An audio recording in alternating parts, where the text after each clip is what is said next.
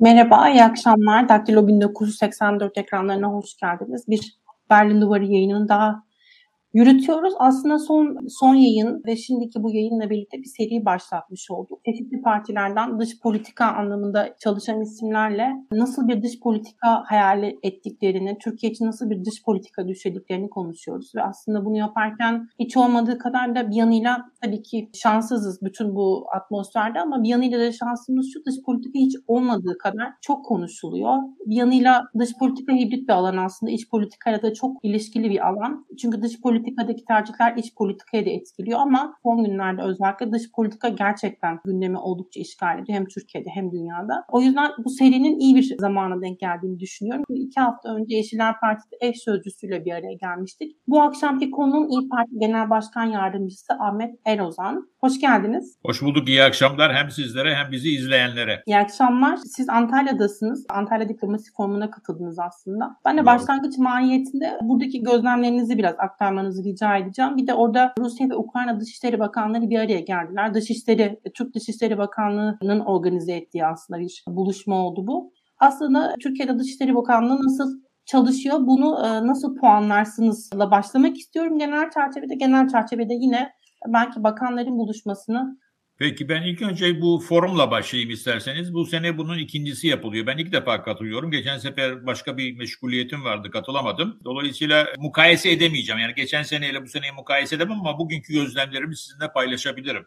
kalabalık vardı. Yani kalabalık var derken bu kalabalığın da bence bir ölçüde organize olduğunu anladım. Çünkü mesela bu genel oturumda aşağı yukarı o salon bin kişiyi falan alacak bir salon ve ama o salonda e, önemli bir ölçüde öğrenci vardı. Yani öğrenci vardı derken öğrencilerin elinde de iletişim başkanlığının şeyleri vardı, çantaları vardı. Yani iletişim başkanlığı e, organize olmuş o salonun boş gözükmemesi açısından diyeceğim. İkincisi tabii tanıdık simalar var, bilinen simalar var. Yani bilinen simalar dediğim zaman en azından bugün katıldığım oturumlarda NATO Genel Sekreteri vardı, Kosova Cumhurbaşkanı vardı, Arnavutluk Başbakanı vardı, Nijer vardı. Vardı insan yani böyle bir üst düzey başbakan ve cumhurbaşkanı düzeyinde bence ikinci bir oturumu yapılan bir konferans için, bir e, forum için tatminkar e, bir katılım vardı. Ama tabii bütün şeyi kaçırılmaz olarak bu Ukrayna krizi domine ediyor. Yani insanların mutlaka çok konuşacağı başka konular da olması beklenirken belki yarın öbür günkü oturumlarda diğer konular da gelir ama bugün e, Ukrayna üzerinden gelişti tartışmalar. Tabii ki şeyin Rusya'nın kınandığı, Ukrayna'ya belirli bir ölçüde destek veriliyor ama Ukrayna'nın beklediği düzeyde destek verilemiyor. Yani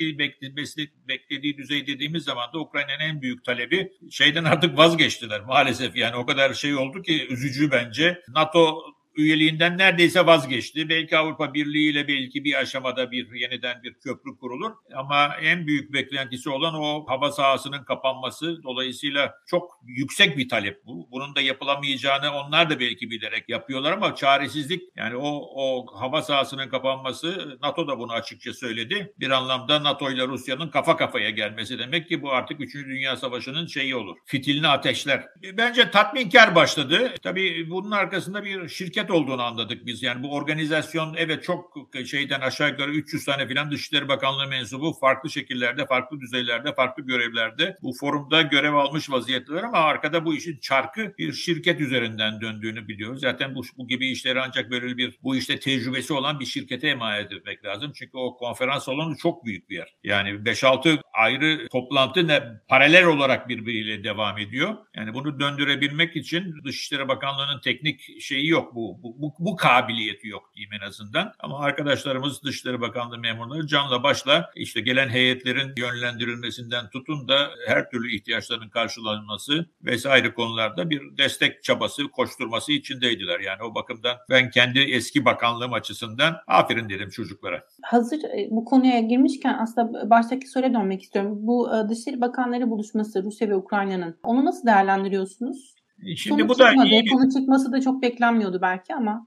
iyi bir çaba, iyi bir çaba da her ne kadar biz Türkiye olarak Cumhurbaşkanı'nın ağzından ne Ukrayna'dan vazgeçerim ne Rusya'dan vazgeçerim diyor isek de bu böyle iki arada bir derede yukarı tükürsem bıyık aşağı tükürsem sakal diye tercüme edebileceğim bu durumun gerisinde bizim e, Rusya'ya olan aşırı bağımlılığımız yatıyor. Yani öyle bir noktada ki bizim Rusya ile ilişkilerimiz o kadar dengesiz ki yani aldığımız çok sattığımız az doğal gazdan bağımlısın, nükleerden bağımlısın, S-400 almışsın, farklı şekilde bir şey zoka yemişsin. Tabiri öyle kullanayım ben. İşte yok buğday ithalatı ediyor, yok ayçiçek ithalatı ediyor, yok turisti filan dediğiniz zaman Rusya'ya olan bağımlılığımızla turist Ukrayna'dan da geliyor ama aynı şey de değil. Kıvamda değil. Dolayısıyla aslında herkes net bir şekilde Rusya'yı kınarken hatta yatırımlar uygularken Türkiye bunu biraz boynu eğik büyük vaziyette bunu yapamadı istediğini. Yani düşündüğünü de yapamadı. Yapamayacağı da anlaşılıyor. Ve şey biraz iktidarın bundan bir fırsatçılık yarattığını da ben düşünüyorum. Üzücü bir tablo. Bir savaş oluyor tabii de bu savaştan da yararlanmak bakmam kardeşim ne yapalım birbirlerini yiyorlarsa yiyorlar. Ben kendi çıkarıma bakarım diyorsanız heh, o anlamda ben kendi çıkarımın şeyi var uygulamasını biz gözlüyoruz. Tabii bu şeye gelenler Ukrayna, Lavrov ve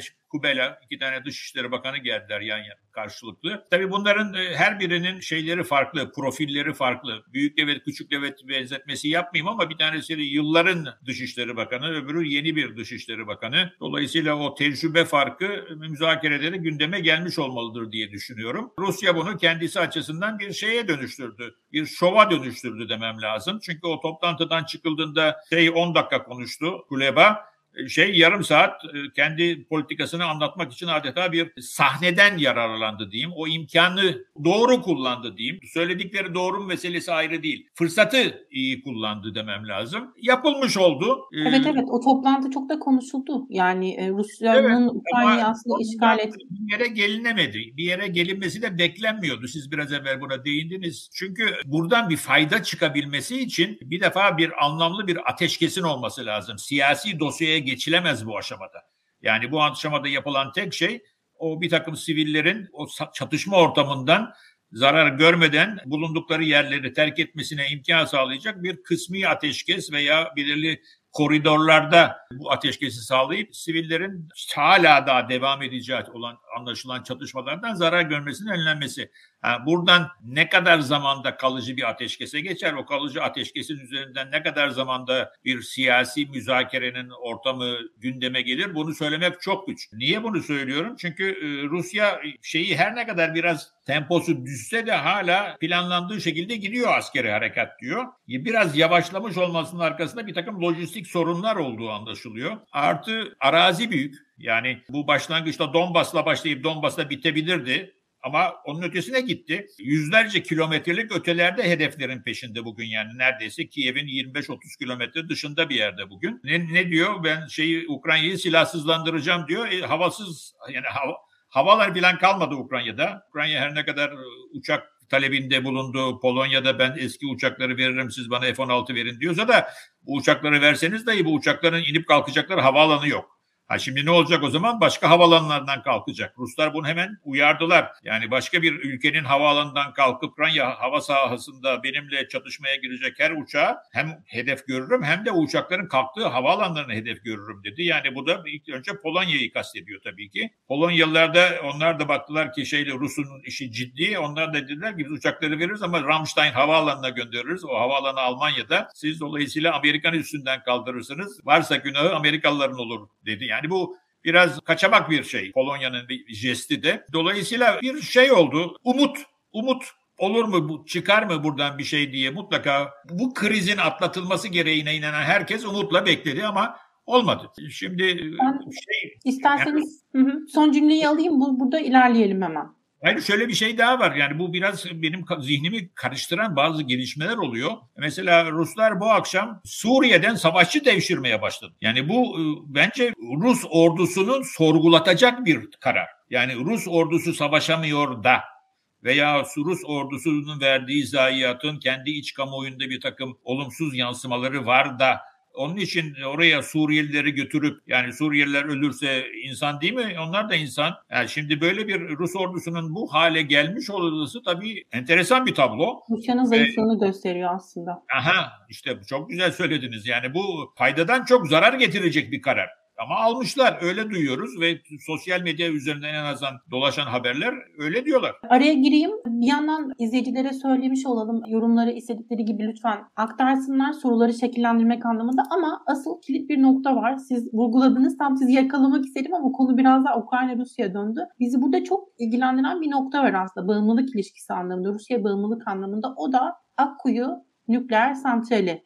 İyi Parti bu santralin devletleştirilmesini istiyor mu? E, istiyoruz çünkü bu, bu santralin hiçbir şeyi milli değil. Bir arsası milli. Yani toprak bizim, toprağın üzerindeki her şey ve hatta bir de liman dahil olmak üzere böyle başka bir ülkeye hediye edilmiş mekan ve tesis diyeyim.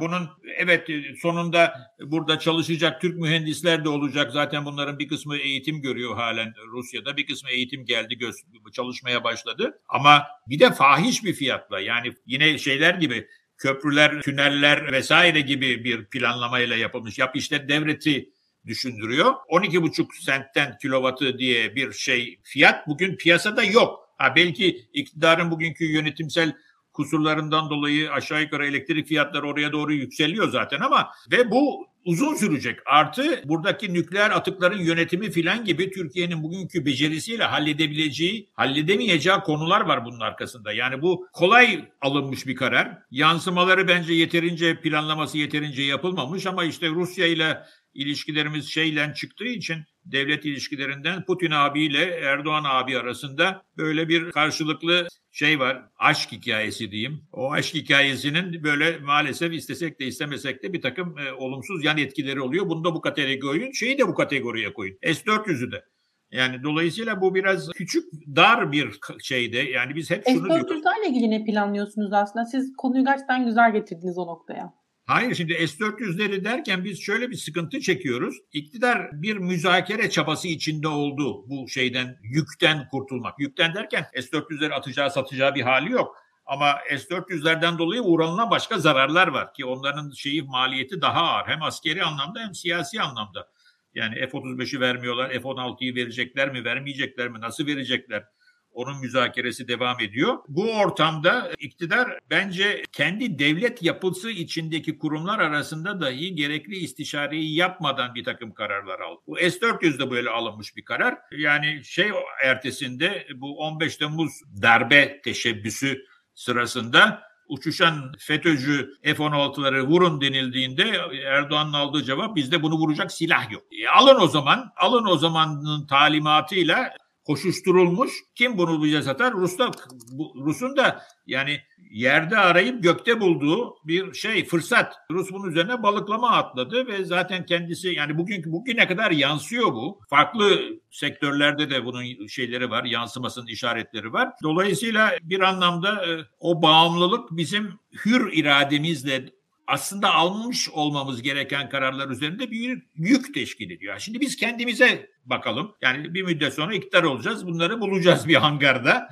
Yani şimdi Amerikalılara biz sorduk. Yani dedik ki yani bunu ne yapacaksınız siz yani bu ne müzakere ediyorsunuz? Bunu söylemiyorlar Amerikalılar bize. Ama iktidarla bir müzakere yürütüldüğünü biliyoruz. Yani hatta şeyi biliyorsunuz kongrenin aldığı kararda bunları depoya filan kaldırmak da yok. Kongrenin aldığı kararda bunlar Türkiye Cumhuriyeti toprakları üzerinde durmayacak. Ha şimdi böyle arada sağdan soldan kulağımıza gelen bunların İncirlik'te hapsi yani S-400'leri hapse koyacağız diyebileceğim bir formülün de bir ara gündeme geldiğini anlıyorum ama o kongre kararıyla yine uyumsuz. Çünkü İncirlik üssü Türkiye Cumhuriyeti toprağı. Orası bir Türk üssü. Amerikan üssü değil. şimdi dolayısıyla günü geldiğinde biz herhalde bugüne kadar olan müzakerelerin ne olduğunu bulabilirsek kendi dosyalarımızda bulacağız. Bulamazsak Amerikalılar ya siz ne istiyordunuz da bunlar yapamadılar veya sizin istediğiniz ne ölçüde yapılabilecek bir iştir. Bunun bir, bir analizi gerekecektir ama şu andaki eldeki verilerle biz ne yapacağız sorusunun cevabını vermek biraz havada kalır. Ne atılıyor ne satılıyor aslında değil mi? Yani tam bir baş belası durum aslında. E, ama yani orada ben... tabii hükümetin anlatısını hatırlamak lazım. Hükümet S-400'leri alma sebebi olarak hem Amerika'yı suçluyor aslında ama bir yanıyla kimileri de diyor ki bu Putin'den özür dilemek için böyle bir hamle yapıldı.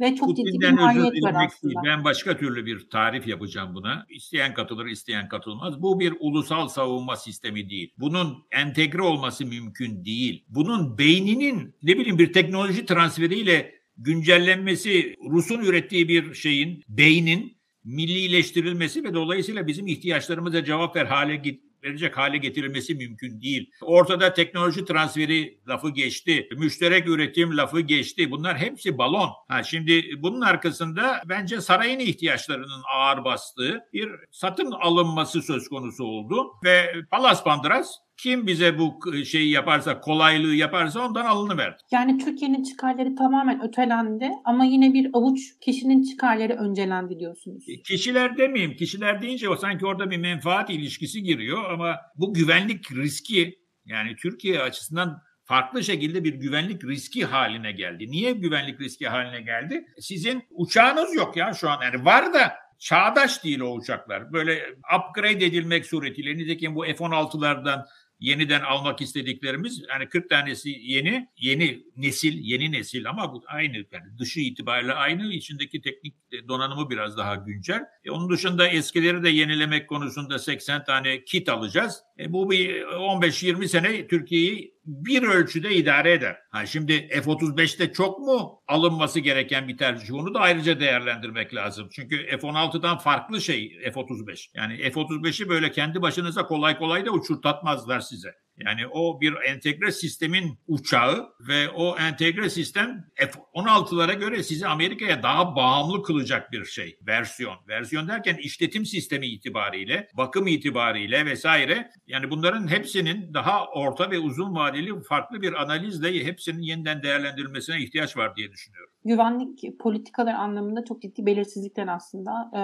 ajandamızda var. Bunu, bu, Aynen. Bu, yani böyle bir şey alırken yani hem F-35 hem şey alırken S-400 birinci yapılması gereken tehdit değerlendirmesi dediğimiz bir aşama vardır. Yani tehdit bana nereden geliyor? Türkiye kendine yönelik tehdidi nereden hissediyor? Yani şimdi bir böyle kabaca sorsak Yunanistan diyebilirsiniz. Ama Şöyle bir gerçek var ki Yunanistan'la Türkiye hiçbir zaman savaşamazlar. Çatışmaya aşamasına kadar gelirler savaşamazlar. Bu bir. İkincisi şeyden mi geliyor tehdit? İran'dan mı geliyor? Niye? Çünkü bu füzelerin balistik füzelere karşı da yani S-400'lerin balistik füzelere karşı da kullanılma imkanı var. Ama balistik füzeler çok yüksek irtifadan geliyor. Yani atmosferin dışına çıkıp tekrar aşağıya hedefe diklemesine hemen iniyor. Dolayısıyla bunları yakalamak da zor o sistemle. Onu yakalayabilmek için farklı bir radar sistemiyle ilintisi olması lazım. O farklı radar sistemi dediğimiz kürecik. Kürecik bir NATO üssü. NATO üstündeki bir beyne S-400 ile entegre edilmiş bir çalışma metodolojisi geliştirmek mümkün değil. Yani biraz evvel atsan atılmaz, satsan satılmaz ne halt diyeceğiz? Biz şimdi bunu bakacağız günü gelince. Aslında az kaldı onu söyleyeyim. Umarım, umarım. bu noktada aslında devam edeceğim. Şimdi bu hava savunma sistemleri, bu genel e, savunma politikaları anlamında aslında tartışmamız gereken başka bir şey var ki Rusya'nın Ukrayna'yı işgali aslında tüm Avrupa'da, belki tüm dünyada şunu konuşmaya yol açtı. Yeni bir dünya düzeni mi kuruluyor? Bu noktada Türkiye için başka bir soru var. Türkiye bu yeni düz, dünya düzeninde nerede konumlanmalı? Ve aslında bu geçtiğimiz günlerde Avrupa Birliği tarafından açıklanan yaptırımları düşününce ve Amerika tabii ki bu bütünleşik yaptırımlar sürecinde Türkiye yaptırımlara katılmıyor. Yalnızca boğazların tüm gemilerin geçişine kapatıldığı söylendi. Bu noktada Türkiye'de sizce yaptırımlar paketine katılmalı mı? Bunun etkileri, ciddi etkileri olacak mutlaka. Bundan iyi tartışılması gerekiyor. İyi Parti bu noktaya nasıl bakıyor, bu konuya nasıl bakıyor? Şimdi başlangıçtaki aşamadan baklarsak yani biz çünkü ilk 2-3 gün bu harekat başladığında kaldı ki ismi savaş da olmadı. Başlangıçta biliyorsunuz özel askeri harekat diye başladı bu. Ve herkesin beklentisi e, bu Donbas'ta sınırlı kalacak şekilde. Yani orada yarattıkları iki Lugansk ve Donetsk cumhuriyetlerinin işte bağımsızlığını tanıdı ve onların idari coğrafyasıyla sınırlı kalacağı beklenirken iş çığırından çıktı.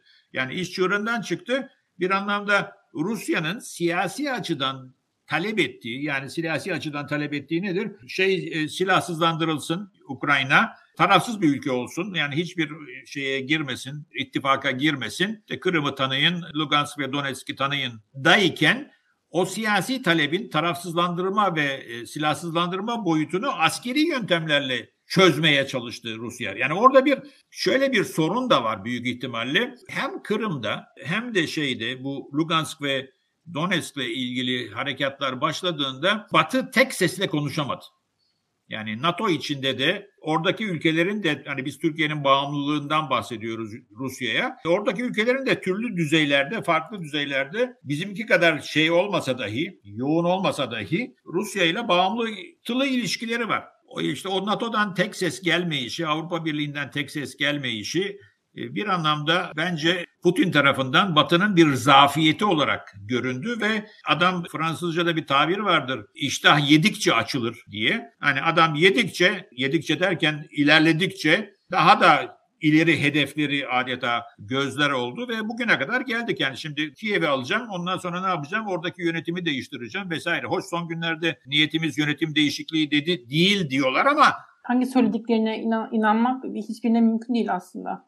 Yani bir, biraz işi yani işi işi kontrolden çıkartmış vaziyetteler. Yani şu yani o Batı'nın ilk günlerdeki böyle mütereddit Donbas ve Lugansk hadi bakalım filan gibi laflar arasında yani adam orada dursaydı büyük ihtimalle aldı Kırım'ı da aldı burayı da aldı nokta. Hadi bakalım şimdi şeyi çizelim haritayı yeniden çizelim Ukrayna haritasını diyeceğimiz veya da o Minsk anlaşmalarınıza dönecektik filan böyle bir şey. Ama şimdi inşallah ikinci, üçüncü dünya savaşı çıkmaz diyecek bir noktaya geldik. Hem Türkiye açısından büyük riskleri var hem Avrupa açısından hem küresel bunun yansımaları var. Yani bu biraz şeyin etkisi gözükmeye başladı o ayrı. Yani bu yaptırımlar şey değil, e, sudan yaptırımlar değil bunların Rus ekonomisi üzerinde etkisi var. E, hoş adam bunu da düşünmüştür dememiz lazım. Çünkü kendisine göre 630 milyar dolarlık bir şeyi var. Kağıt üzerinde rezervi var. Kağıt üzerinde diyorum çünkü bunların hepsini şu anda kontrol edebilecek durumda değil. Bunların bir takımlarının dış bağlantıları var. O dış bağlantıları kesince para bir yerde duruyor ama kullanılabilecek olmaktan çıkıyor. Sonunda ben bu savaşın yani savaş kısmının askeri harekat kısmının iki hafta daha filan sürebileceği konusundayım ama bu bir artık yani savaş olmaktan çıktı bir insani drama dönüşmeye başladı. Bu tabii insani dram yani bugün e, Nijer'den bir e, şey vardı konuşmacı vardı. E, onlar da kendi açıdan Afrika değil mi orası? Yani Afrika'yı bile farklı şekilde etkiler hale geldi ve dolayısıyla... Adlı anlamında aslında konuşuluyor genelde Afrika için ama ben soruya tekrar dönmek istiyorum. Sorudan evet. biraz uzaklaştık. E, yap, yaptırımlara Türkiye'nin aynen yaptırımlara katılıp katılmaması e, gerektiği Türkiye'nin. Şimdi yaptırımlara Onu... Türkiye keşke bağımsız olsaydı da bağlı, bu kadar bağlantılı olmasaydı da almış olması gerekirdi. Yaptırımlara katılmış olması gerekirdi. Ama bugünkü durumu itibariyle Türkiye sadece Rusya ile ilişkilerimizde değil pek çok ülkeyle olan ilişkilerimizde biz hür tercihler yapamıyoruz. Aslında çok doğru bir noktaya temas ettiniz ama yine sorudan kaçabiliriz. Ben sizi Mecbur... zorlayacağım. Yani mesela şu an İyi Parti seçim oldu. İyi Parti iktidarda. Ne yaparsınız? Evet. Katılır mısınız? Genel başkanın konuşmasını dinlemiş olsaydınız bu soruyu sormazdınız diyeceğim ben size. Yani genel başkan... Siz bunu e, lütfen hatırlatın. Aha, şimdi hatırlatayım yani o konuşmayı ben arkadaşlar da bir yerde mutlaka şeyde duruyor. YouTube'da bir yerde bulursunuz. Bu kadar dişli, dişli bak kelimeyi seçerek kullanıyorum. Bu kadar dişli konuşmayı hiç kimse yapamadı. Yani şimdi e, bu sadece düz bir eleştiri değil. Yani eleştiri derken muhalefetteyiz o çok güzel bir lüks bu. Muhalefette olmak lüks. Ama biz bütün çabalarımızda, bizim bütün politikalarımızda bu vardır. Biz iktidarda olsaydık ne yapacaksak muhalefette onu yapıyor. Bunun aynısını biz tezkerede yap. Ne demek istiyorum tezkerede yaptık? O Suriye-Irak tezkeresinde. Evet dedik. E, Cumhuriyet Halk Partisi hayır dedi. Böyle e, iktidar cephesinde e, dört kol çengi bayram etmeye başladılar. İttifak bozuldu diye. Öyle değil. Mesele o değil. Biz iktidarda olsaydık o tezkere gelseydi yine evet diyecektik. Onun için evet dedik muhalefette olmamızın sebebi şu. O tezkereye hayır derseniz Mehmetçik oradan çıksın demek. Bunun tercümesi budur. Ha, Mehmetçik çıksın ne, ne yapsın? Tank, tank, tankları, topları, tüfekleri toplayalım çıkalım. Kime bırakıyoruz? Çıktığımız yeri kime bırakıyoruz? Esad'a mı bırakıyoruz? PYD'ye mi bırakıyoruz? YPG'ye mi bırakıyoruz? PKK'ya mı bırakıyoruz? Amerikalılara mı bırakıyoruz? Haçlı Şabi'ye mi bırakıyoruz? Kime bırakıyoruz? Yok böyle bir şey. Yani bu mevcut koşullarda oradan çıkmak diye bir şey yok orayı temizlersin veya oradaki siyasi çözüm sonunda Suriye'nin toprak bütünlüğü içinde bir siyasi modeli yaratır. Ha o zaman o zaman Esad'la da konuşursun. Göçmenler meselesine de dönersin. İyi komşuluk ilişkilerini de yeniden kurarsın. Ama bizim bugünkü şeyimiz Rusya'ya yönelik sitemi aşan eleştirilerimizin arkasında bir ülkenin toprak bütünlüğünün ihlali var. Yani biz şu şekilde bakıyoruz resmen. Şeye baktığımızda bu Ermenistan-Azerbaycan arasındaki Yukarı Karabağ meselesinde Evet biz Türkiye e, ve Azerbaycan bir millet, iki devlet, e, işte kardeşlik ilişkileri falan var ama onun ötesinde biz oraya baktığımızda bir tarafta saldırıya uğrayan bir ülke var. Azerbaycan, öbür tarafta saldıran var. Aynı durum geçerli. Bir tarafta saldırıya uğrayan Ukrayna, Ukrayna var, öbür tarafta saldıran bir ülke var. Yani 21. Yani biz değerler eksenli dış politikaya. Tabii ki yani. yani e, Sadığız diyorsunuz ama ben buradan şunu çıkarıyorum aslında. Siz bu bağımlılık ilişkisi kırılmadığı müddetçe yaptırımlara katılmaması gerektiğini düşünüyorsunuz. Katılılmaması demiyorum ben. Bu durumun düzeltilmesi lazım. O bağımlılık dengesinin Türkiye ile birebir %50 %50 olmaz bu. Yani bizim satacağımız malla e, Rusya'nın sattığı başta enerji kaynağı olmak üzere çok farklı bir ilişki düzeyi var. Ama siz farklı enerji politikalarını uygulamaya koyarak yenilebilir enerjilerin miktarını arttırarak veya doğal gazınızı bak şimdi devreye İsrail giriyor. Ha şimdi o zaman kaynak çeşitlendirilmesi diye bunun elif b'si bu. Kaynak çeşitlendirilmesi diye bir şey var. Yani bu enerji dersi verecekseniz birinci derste bunun konuşulması gerekir. Ha böyle bir kaynak çeşitlendirilmesi yerine siz bütün şeyleri yumurtaları aynı sepet üzerinden oradan buraya taşımaya kalkarsanız işte böyle kaza olduğu zaman da ne oldu bu yumurtalara diye ondan sonra haykırırsınız. Omlet olur. Yani bu söylediğiniz şey aslında Almanya'da da konuşulan bir gündem. Eminim yakından takip ediyorsunuz. Almanya kaptı 100 milyar euroluk şey savunma bütçesini arttırmaya çalışıyor. Nükleerden vazgeçtiydi. Ne olacak şimdi der. Telaşa girdi. Haklı ne yapsın? Evet. Yani enerji politikalarının aslında oynadığı önemli rolü de dış hem politikada. De nasıl? Hem de nasıl? Türkiye için de aslında burada yeni bir gündem var ve bunun doğru şekilde değerlendirilmesi gerekiyor.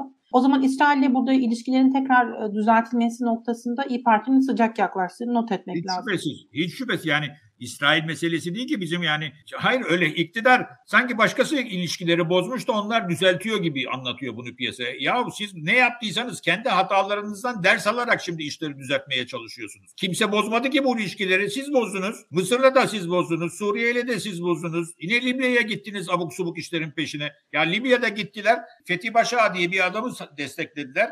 Ondan vazgeçtiler. Dibeyba diye başka birini desteklediler. Dibeyba ile bizim desteklediğimiz iki kişi birbirini yemek üzere bugün. Yani ne işin var senin? Yani biz biz yani onun arkasında başka ideolojik şeyler de var tabii. Arayışlar da var ama onu bu akşam girmeyeyim isterseniz. Ben memnuniyetle dinlerim e, ama ilerleyebiliriz. O zaman Libya'dan da askerlerin aslında çekilmesi gerektiğini düşünüyorsunuz. Ama burada da Suriye ile ilgili söylediklerinizi hatırlatmam lazım. Gönderilmesine hayır dedik. Bir daha gönderilmesine hayır. Yani onun tezkeresine hayır dedik ondan evvelki askeri güvenlik, güvenlik ve askeri işbirliği anlaşmasına hayır dedik. Şeye evet dedik. O deniz yetki alanı çünkü Doğu Akdeniz'in en batı ucu orası. Orada da Türkiye'nin bir takım hakları olması gerek kanısındaydık ama iktidar bunun arkasını getiremedi. Yani arkasını getiren o denizin ortasında çizgiyi çizdiniz. Ondan sonra yapılması gereken münhasır ekonomik bölge ilanını yapacaktınız. Yapabilirseniz. Çünkü nedir o münhasır ekonomisi? Onu ilan ettiğiniz zaman oraya balıkçılık için kimseyi sokmayacaksın. E oraya balıkçılık için hiç kimseyi sokmayacaksan orada donanma tutman lazım. E bunu da yapamadı.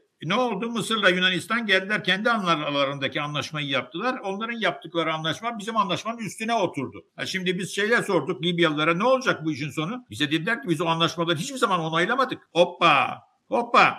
Ha şimdi ne oldu o zaman? Anlaşmaları biz diyoruz ki Birleşmiş Milletler'e deklare ettik. E, hiçbir işe yaramamış. Yani bir iktidar bir, bir böyle Sayın Genel Başkan bu şey konusunda, damat konusunda, damat harikalar diyarında diyordu. Maalesef bazen bizim politikalarımız sadece ekonomik alanda değil, başka alanda da harikalar diyarında. Biraz Avrupa Birliği ile ilişkilere dönmek istiyorum aslında. Türkiye-Avrupa Birliği ilişkilerinde e, çok ciddi kesintiler var. Aslında Türkiye'nin aday ülke olarak adlandırılması noktasından da geriye düştük. Komşuluk politikalarından bahsediliyor artık. Bir yanıyla bu ilişkilerin en önemli gündemlerinden biri de özellikle raporlarda, ilgili raporlarda Türkiye'nin Avrupa Konseyi ne bağlı olan Avrupa İnsan Hakları Mahkemesi'ne mahkemesi kararlarına riayet etmediği şeklinde konuşuluyor. İyi Parti burada Avrupa İnsan Hakları Mahkemesi kararlarının Türkiye'de tam şekilde tatbik edilmesinden yana yoksa bu kararların tatbikinde bile bazı sınırlar mı gözetilmeli? Yok biz yanayız ama bu sorunun cevabını biraz açmam lazım benim. Açmam derken biraz geriye giderek açmam lazım. Lütfen, lütfen. Şimdi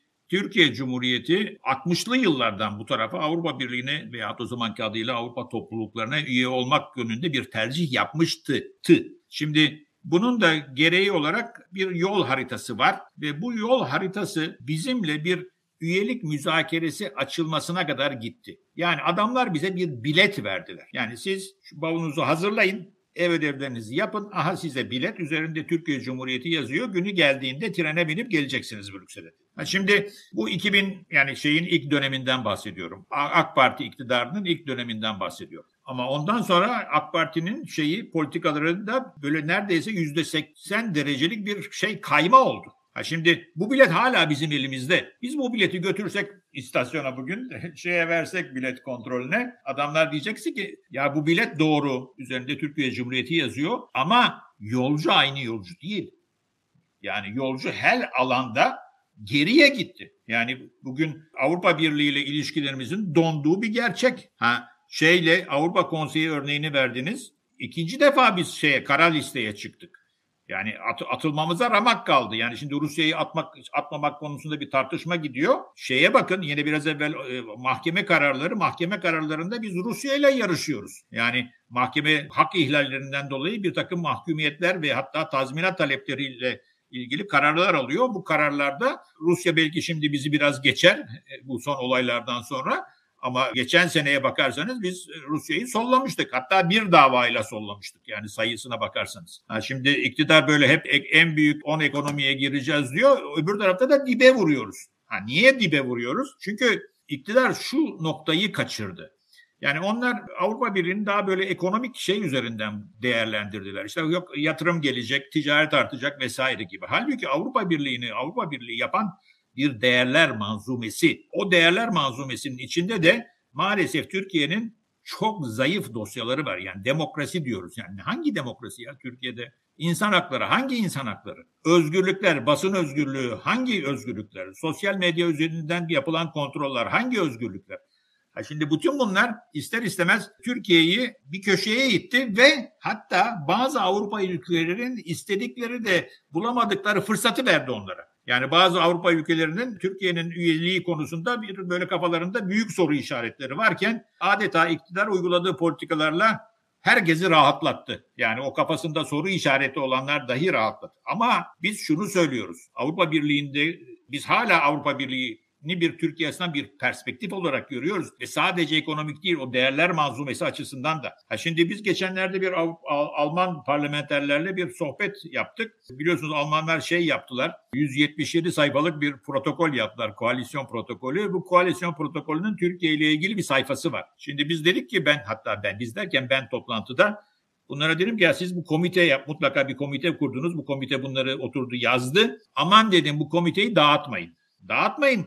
Çünkü biz iktidara geliyoruz ve siz o Türkiye sayfasını yeniden yazacaksınız. Ne demek istiyorum yeniden yazacaksınız? Çünkü o Türkiye sayfası ki o Almanya'nın tavrını belirliyor o protokol ama aynı zamanda Almanya'nın Avrupa Birliği üzerinden Türkiye politikasını da belirliyor. Yani bunun sonucu nedir? Benim onlara söylediğim şimdi artık işte biz bir seneden az ne bir seneden az belki bir seneden az bilmiyoruz artık ama yani en azından 18 aydan az kaldı. O gün geldiğinde bize demokratik değilsiniz diyemeyeceksiniz. Tamam mı? Kavala niye içeride de diyemeyeceksiniz. İnsan haklarına uymuyor da diyemeyeceksiniz. Diyemeyeceksiniz, diyemeyeceksiniz, diyemeyeceksiniz. Dolayısıyla siz o komiteyi bozmayın, o sayfayı yeniden yazmaya hazır olun, çalışın dedim. Ha şimdi onlara çalışın diyor da bizim de çalışmamız lazım. Ha şimdi bunlar böyle iktidar gitti yarından sonra hep birlikte kucaklaşacağız değil. Sorunlar var tabii ki. Ama bu sorunların aşılması lazım. İlk önce kendi vatandaşımıza olan saygımızdan dolayı. Bir üyelik perfeski veya o biletin yolcusu olmak hevesi değil. O çağdaş değerleri, çağdaş değerlerin hem uygulayıcısı hem savunucusu olmamız lazım. Bugünkü iktidarın maalesef bu arandaki dosyası veya sicili kırık, karnesi kırık. Ha şimdi hangi gümrük birliği ya? Sözde gümrük birliğinin güncellenmesi. Yok böyle bir şey. Bu haliyle yok. Yani Türkiye'nin şeylerine bakarsanız Avrupa Birliği zaman zaman işte bu süreç nasıl ilerliyor? ilerliyor kelime o. Aslında progress report yani ilerleme raporu olan raporlar maalesef son 2-3 senedir gerileme raporu oldu. İlerleme diye bir şey kalmadı. Olduğumuz yerin gerisine gidiyoruz her sene. E, o zaman ne yapsın ki adamlar? O ne güzel. Zaten bunu beklerdik Türkiye'den demiş olabilir birçok kişi. Türkiye aslında çok uzun zamandır anlatı. Türkiye'nin evet bazı yükümlülükleri yerine getirmediği ama getiremediği daha doğrusu. Çünkü bazı milli güvenlikten kaynaklı bazı noktalarda bunların yerine getirilemediği ama bir yanıyla bunun tek taraflı okunmaması gerektiği Avrupa Birliği tarafının da birçok sorumluluğu yerine getirilmediği üzerineydi aslında. Sizde bunu, bu noktada bazı tartışmalar var. Acaba Türkiye'nin daha farklı ortaklık modellerine mi yönelmesi gerekir? Acaba imtiyazlı ortak gibi farklı modeller, farklı işbirlikleri mi geliştirilmeli? Noktasında bazı tartışmalar var. Sizce hani artık Türkiye'nin Avrupa Birliği adaylığı bu kadar eğer gerçekçi değilse, bu kadar fanteziden ibaretse farklı işbirliği modellerini mi zorlamalıyız? Ne dersiniz? Oraya gelmeden şu güvenlik dediğiniz noktadan bir gireyim konuya isterseniz. Yani Türkiye'nin bir takım güvenlik endişeleri var da onun için böyle Avrupa'nın istediği modelde bir terör yasası falan yapamıyoruz gibi böyle bir tartışma var biliyorsunuz. Şimdi bu güvenlik sorunu konusunda ben Süleyman Soylu'nun verdiği rakamlara bakarım. Ben Süleyman Soylu'nun veya İçişleri Bakanlığı Bakan Yardımcısının yaptığı açıklamaları takip ediyorum. Onların beyanı benim değil. İnanmak isterim. Onlara göre Türkiye'de 150 tane PKK'lı kaldı. 150 PKK'lı kaldı. Ülke dışını ayrı konu. Ülke dışı ayrı. Yani Suriye'de durum ne, Irak'ta, dağda durum ne o ayrı. Ama Türkiye'de 150 tane kaldı diyor ve etkisiz kıldıklarının sayısını da eksi eksi düşerseniz e, bir sene sonra sıfır PKK'lı kaldı diyeceğiz. E, nerede güvenlik sorunu derim ben o zaman. Ya şimdi dolayısıyla bu güvenlik sorunu vardı. Uzun süre Türkiye'nin yakın tarihine hükmetti maalesef bu. Ama verdikleri rakamlarla bunun sonuna gelmişiz gibi gözüküyor. Eğer doğruysa söyledikleri aferin bitirsinler bu terörü. Teşekkür ederiz. Hepimiz teşekkür ederiz. Halk olarak teşekkür ederiz. Ha şimdi buradan geleyim şeye daha uzun vadeli bir perspektife. Şimdi biz halen bugün İyi Parti olarak Avrupa Birliği'nden yana bir pozisyondayız ve bunun bir gıdım altına dahi düşünmesi düşülmemesi lazım. Sonunda bir müzakere olacak. O müzakerenin sonunda ne olacağını bugünden kestirmek mümkün değil. Ha, hangi vadede olacak diye de bir düşünmek lazım, bir zihin egzersizi. Şimdi Avrupa Birliği hoş bugünkü söylemlere bakarsanız işte Gürcistan'ı da alalım, Ukrayna yok öyle bir şey. O da o da sakat çıktı. Yani öyle şey yok. Yani Moldova bile sakat durumu itibariyle. Ve kaldı ki onların hiçbirisinin şeyi dosyası bizimkinden sağlam değil. O da ayrı bir yere yazalım. Ama bir ileriye yönelik perspektifle baktığımızda bugün şey bile Arnavutluk Başbakanı da vardı konuşmacılar arasında. Bu konuya bir ölçüde değindi. O da şikayetçi Avrupa Birliği'nde.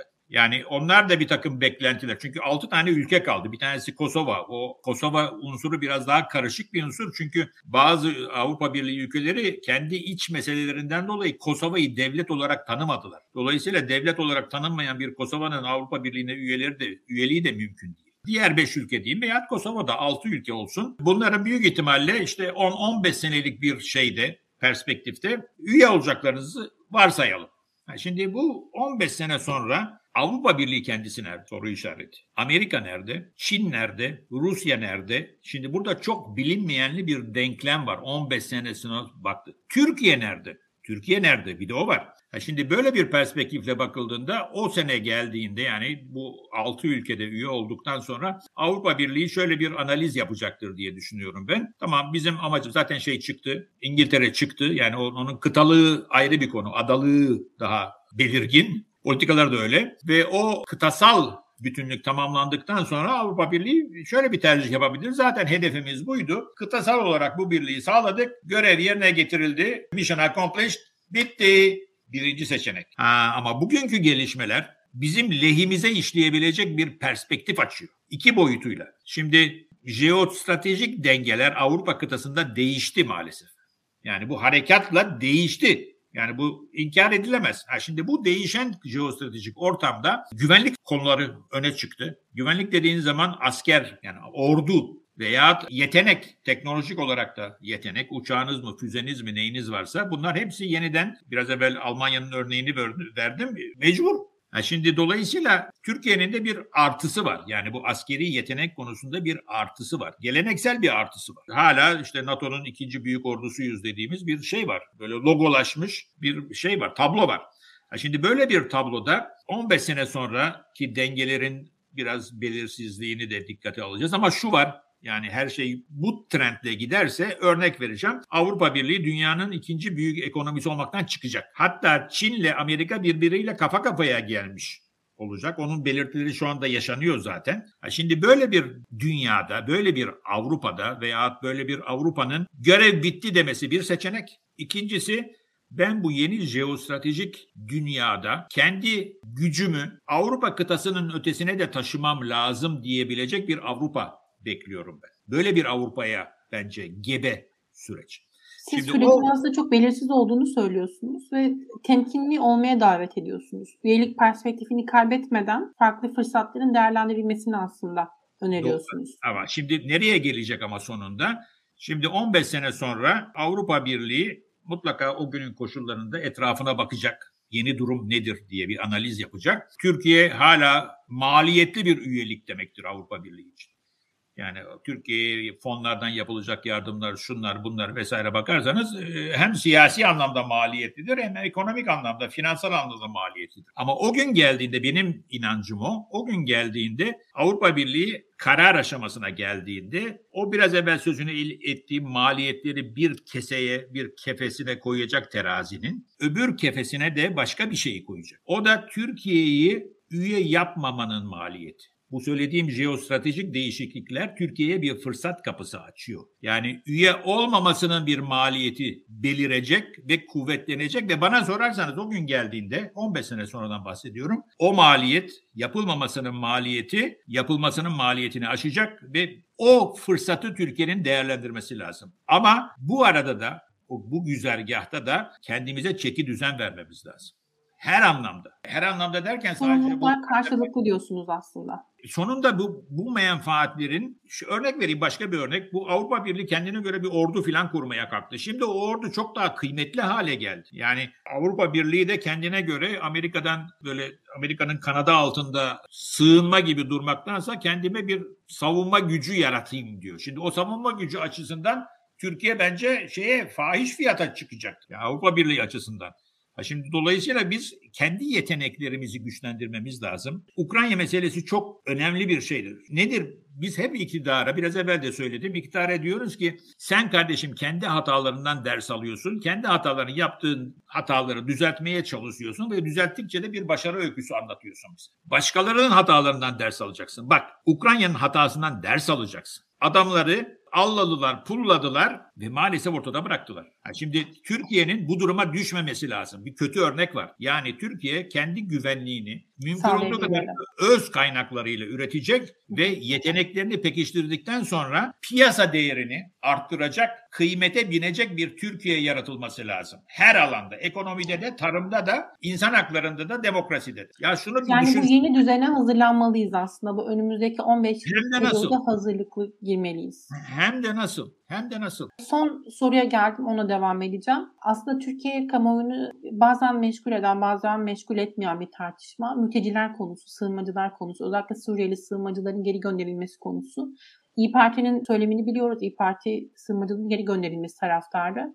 Ama bunun nasıl sağlanacağı noktasında belki daha daha fazla açıklamaya ihtiyaç var. Çünkü bunun uluslararası hukuk noktasında bazı problemlerin olabileceği söyleniyor. Bir yanıyla Esad'la ilişki kurulmasının nasıl etkileri olacağı noktasında İyi Parti nasıl yaklaşıyor bunu öğrenmek istiyorum son olarak. Önümüzdeki seçimde tabii ki ekonomi tartışılacak. Yani insanlar tercihlerini yaparken bu ekonomi üzerinden ana şey o, çizgi o. Ondan sonra büyük ihtimalle işte bu savunma, güvenlik konuları gelecektir. Ama ilk beş konunun içinde bu mutlaka göçmenler meselesi de olacak. Çünkü buna türlü çeşitli tepkiler var. Yani türlü çeşitli tepkiler derken bu Suriyeliler maalesef bir ölçüde köle fiyatına iş gücü olarak kullanılıyor bugün sanayide. Onların tercih edilmesinden dolayı bizim işsizlik rakamları artıyor. Dolayısıyla bir sosyal tepkiler de var. Yani bunların toplumla kaynaşamamaları, entegre olmaları konusundaki zafiyetler, entegre olmalı mıdırlar ayrı bir tartışma. İyi Parti olarak biz bunu daha 16 hatta tarihi net söyleyeyim 16 Aralık 2019 tarihinde bir çalıştay yaptık. Şimdi gönderilmesi demiyoruz biz. Suriyelilerin vatanlarına dönüşlerinin kolaylaştırılması diyoruz. Şimdi niye bunu söylüyorum? Şimdi bu insanları Nasıl gönderirsiniz? Toplarsınız kayıtları olanları. Bunları süre verirsiniz. Bavullarınızı toplayın gidiyoruz vatana dersiniz. Sonra da işte otobüsle mi neyle trenle mi neyse toplayıp götürüp bırakırsınız. Bu bir yöntem. Ama bu o sözünü ettiğiniz hukuki sorunları ve insan hakları konularını tırmandırır. Niye bunu söylüyorum? Bir defa bu insanları götürüp bırakırsanız şunu da sağlayın. Bizim bugün sınırlarımız laçka. Yani elek bugün bırakın adamı karşıya iki gün sonra İstanbul'da bulursunuz aynı adamı. Ha şimdi burada başka bir sorun var. Şimdi bu insanlar evleri var mı? Yani gönderdik diyoruz ya. Gönderdik gittiler. Evleri var mı? Yok. İşleri var mı? Yok. Çocukların okulu var mı? Yok. O var mı? Yok. Bu var mı? Yok. Dolayısıyla bunların oraya da kendi ülkelerine reentegre diyorum. Çünkü Batı şu anda şunu yapmaya çalışıyor. Avrupa Birliği başta olmak üzere. Bunların Avrupa Birliği'nin verdiği kaynaklar üzerinden üretilen projelerle Türkiye entegrasyonu. Şimdi bir defa Avrupa Birliği'ne demek lazım ki biz diyoruz. Yani bizimle de teması var Avrupa Birliği. Biz diyoruz kardeşim bu proje bitecek. Bu bu şekilde yürüyemez artık ileri. Biz iktidara geldiğimizde bütün projeleriniz bunların ana vatanlarına reentegrasyonu için olacak. Türkiye entegrasyonu için değil. Yani Şimdi, madem ciddi bir kaynak ayrılıyor, bu kaynak Suriye'de bu insanların tekrar hayata kazandırılması ve bir şekilde o güvenli ortamın sağlanması ben şu iddiadayım. Şimdi iktidar ne diyor? Biz bunlara 50 milyar dolar harcadık. Bunların geri döndürülmesi de önemli bir kaynak tahsisini gerektirecek bir konudur. Yani bu insanların oradaki reentegrasyonuna Avrupa Birliği 6 milyar dolar veya 6 milyar euro veriyorsa ben de 6 milyar koyarım 12 milyar şey olur euro olur. Başka mutlaka finansörler de bulunur ve bunlarla birlikte bir kapsamlı bir projeye dönüştürülmesi lazım. Şimdi biz bunu biraz evvel sözüne ettiğim bu iki sayfalık bir deklarasyondur. O çalışma say sonunda Sayın Genel Başkanımız tarafından açıklanan. Ondan bu tarafa olan gelişmeleri de dikkate alarak biz bir politika güncellemesi yapıyoruz. Bizde şöyle bir çalışma metodolojisi var partide. Mesela ben kendi alanımda e, olması gereken Türk dış politikası diye bir kağıdı 6 ayda bir güncellerim. Her arkadaşımız bizim çevre konusunda çevreye bakan, eğitime bakıyorsa eğitim konusunda, sağlığa bakıyorsa sağlık konusunda. Çünkü bizim aldığımız talimat şu, biraz evvel sözünü ettiğim, yani biz uygulamalarımızda iktidardaymış gibi hareket ediyoruz dediğim, iktidardaymış gibi politikalarımızı yazıyoruz biz bugün. Ve onu iktidara Kardeşim senin yaptığın politika değil bak aklın başında olsun yapmış olsaydık biz iktidarda biz olsaydık bunu yapardık. Bak sana akıl öğretiyoruz bundan yararlan. Ha, çünkü bunu niye yapıyoruz? Genel başkan bir takım sorunların üstünden gelinemeyeceğini anladığı için iktidarı zamanında bir memleket masası dediydi. O memleket masasını iktidar kurdurmadı ama biz o memleket masasında ne söyleyeceksek onun politikalarını üretmekle görevliyiz. Şimdi bizim şu anda o Suriyelilerin geri dönüşlerinin kolaylaştırılması dediğim başlık altında uygulayacağımız politikaları biz 2019'dan bu tarafa olan gelişmeler çerçevesinde güncellemekteyiz şu anda. Yani bunu yakın bir tarihte mutlaka Sayın Genel Başkan duyuracaktır. Yani dolayısıyla bu Türk toplumu açısından bir saatli bomba niteliği kazanmıştır. Entegre olmaları olmamaları ayrı bir konu. Şöyle bir rakamsal analiz yapalım isterseniz. Türkler 60'lı yıllarda Avrupa'ya gittiklerinde 360 bin kişiydiler. Şimdi 5 milyon kişiler. 60 senede 360 oldu 5 milyon. Hesap yapsın arkadaşlar bizi dinleyenler. Bugün 5 milyon olan 60 sene sonra kaç milyon olacak? Bu bir toplumun işte onun için saatli bomba diyorum. Bunun çözümü maliyeti de göğüsleyecek şekilde. Maliyeti de yani biz niye maliyeti diyorum? Sayın Genel Başkan şöyle bir talimat verdi bize. Kendisi de bunu yapıyor. Biz vaatte bulunmuyoruz. Vaat ucuz bir şey. Onu da yapacağım, bunu da yapacağım, şu da böyle olacak. Bu yetmiyor. Biz çözüm üretmek durumdayız. Çözüm dediğimiz şey bunu yapacağız. Aha parası, kaynağı. Yani biz iktidara geldiğimizde vaat ettiğimizin karşısında, vatandaşın karşısına çıkıp ya vallahi biz bunu yapacaktık ama öyle bir enkaz devraldık ki para yok, pul yok, biz bunu yapamıyoruz diyemeyiz. Dolayısıyla bizim bütün ürettiğimiz projelerin arkasında bu yapıldığında bunun maliyeti bu, kaynak da bu demek durumdayız ki bu iş çözüm olsun. Yoksa vaat ucuz bir şey. Yani siz diyorsunuz ki biz bu e, konuyu tüm yönleriyle hesapladık. Diğer tüm politika tercihlerimizde olduğu gibi aslında. Ve bütün yönleriyle buna hazırız. O yüzden bununla ilgili tüm tüm detaylarıyla bunu biliyoruz. Bu sorunu biliyoruz ve farkındayız diyorsunuz. Şimdi ee, Genel Başkan bunları açıklayacak. az kaldı. Çoğu gitti azı kaldı. Suriyeliler için mi söylüyoruz bunu yoksa hepsi şey mi? Genel dış politika hepsi, noktasında mı? Hepsi iç politikada dahil. Harika. İç politikada dahil. Ahmet Bey çok teşekkürler konuk Teşekkür olduğunuz zaman ayırdığınız için. Ve Antalya'da evet hava çok güzel değilmiş belki ama yine de en azından belki akşam toplantıları var mıydı bilmiyorum. Belki onları tercih var. katılmayı. Yarın akşam var. Yarın akşam var. Harika. Tamam. Çok Ama teşekkürler. yani- İyi ki hava kötü. Yoksa hava iyi olsaydı salonun yarısı boş olurdu. Hmm. Tamam. Çünkü hava hava kötü olmasaydı belki orada güzel şeyler de var. Belek'te çok güzel bir yerdesiniz çünkü. Çok da Biliyorum ama yeşil yani bir yer. biz buraya çalışmaya geldik. Tamam. Çok teşekkürler. Son bir iki cümleniz varsa alayım. Sonrası yayını kapatalım. Ben bu imkanı verdiğiniz için size teşekkür ederim. Önümüzdeki dönemde başka fırsatlarla inşallah doğar yine sohbetler ederiz. Çok, Çok keyifli sohbetti benim için de. Çok teşekkürler. İzleyicilere de çok teşekkürler. Yayını beğenmeyi, paylaşmayı unutmayın. Abone olmayı unutmayın. İyi akşamlar. Sağ olun. Kolay.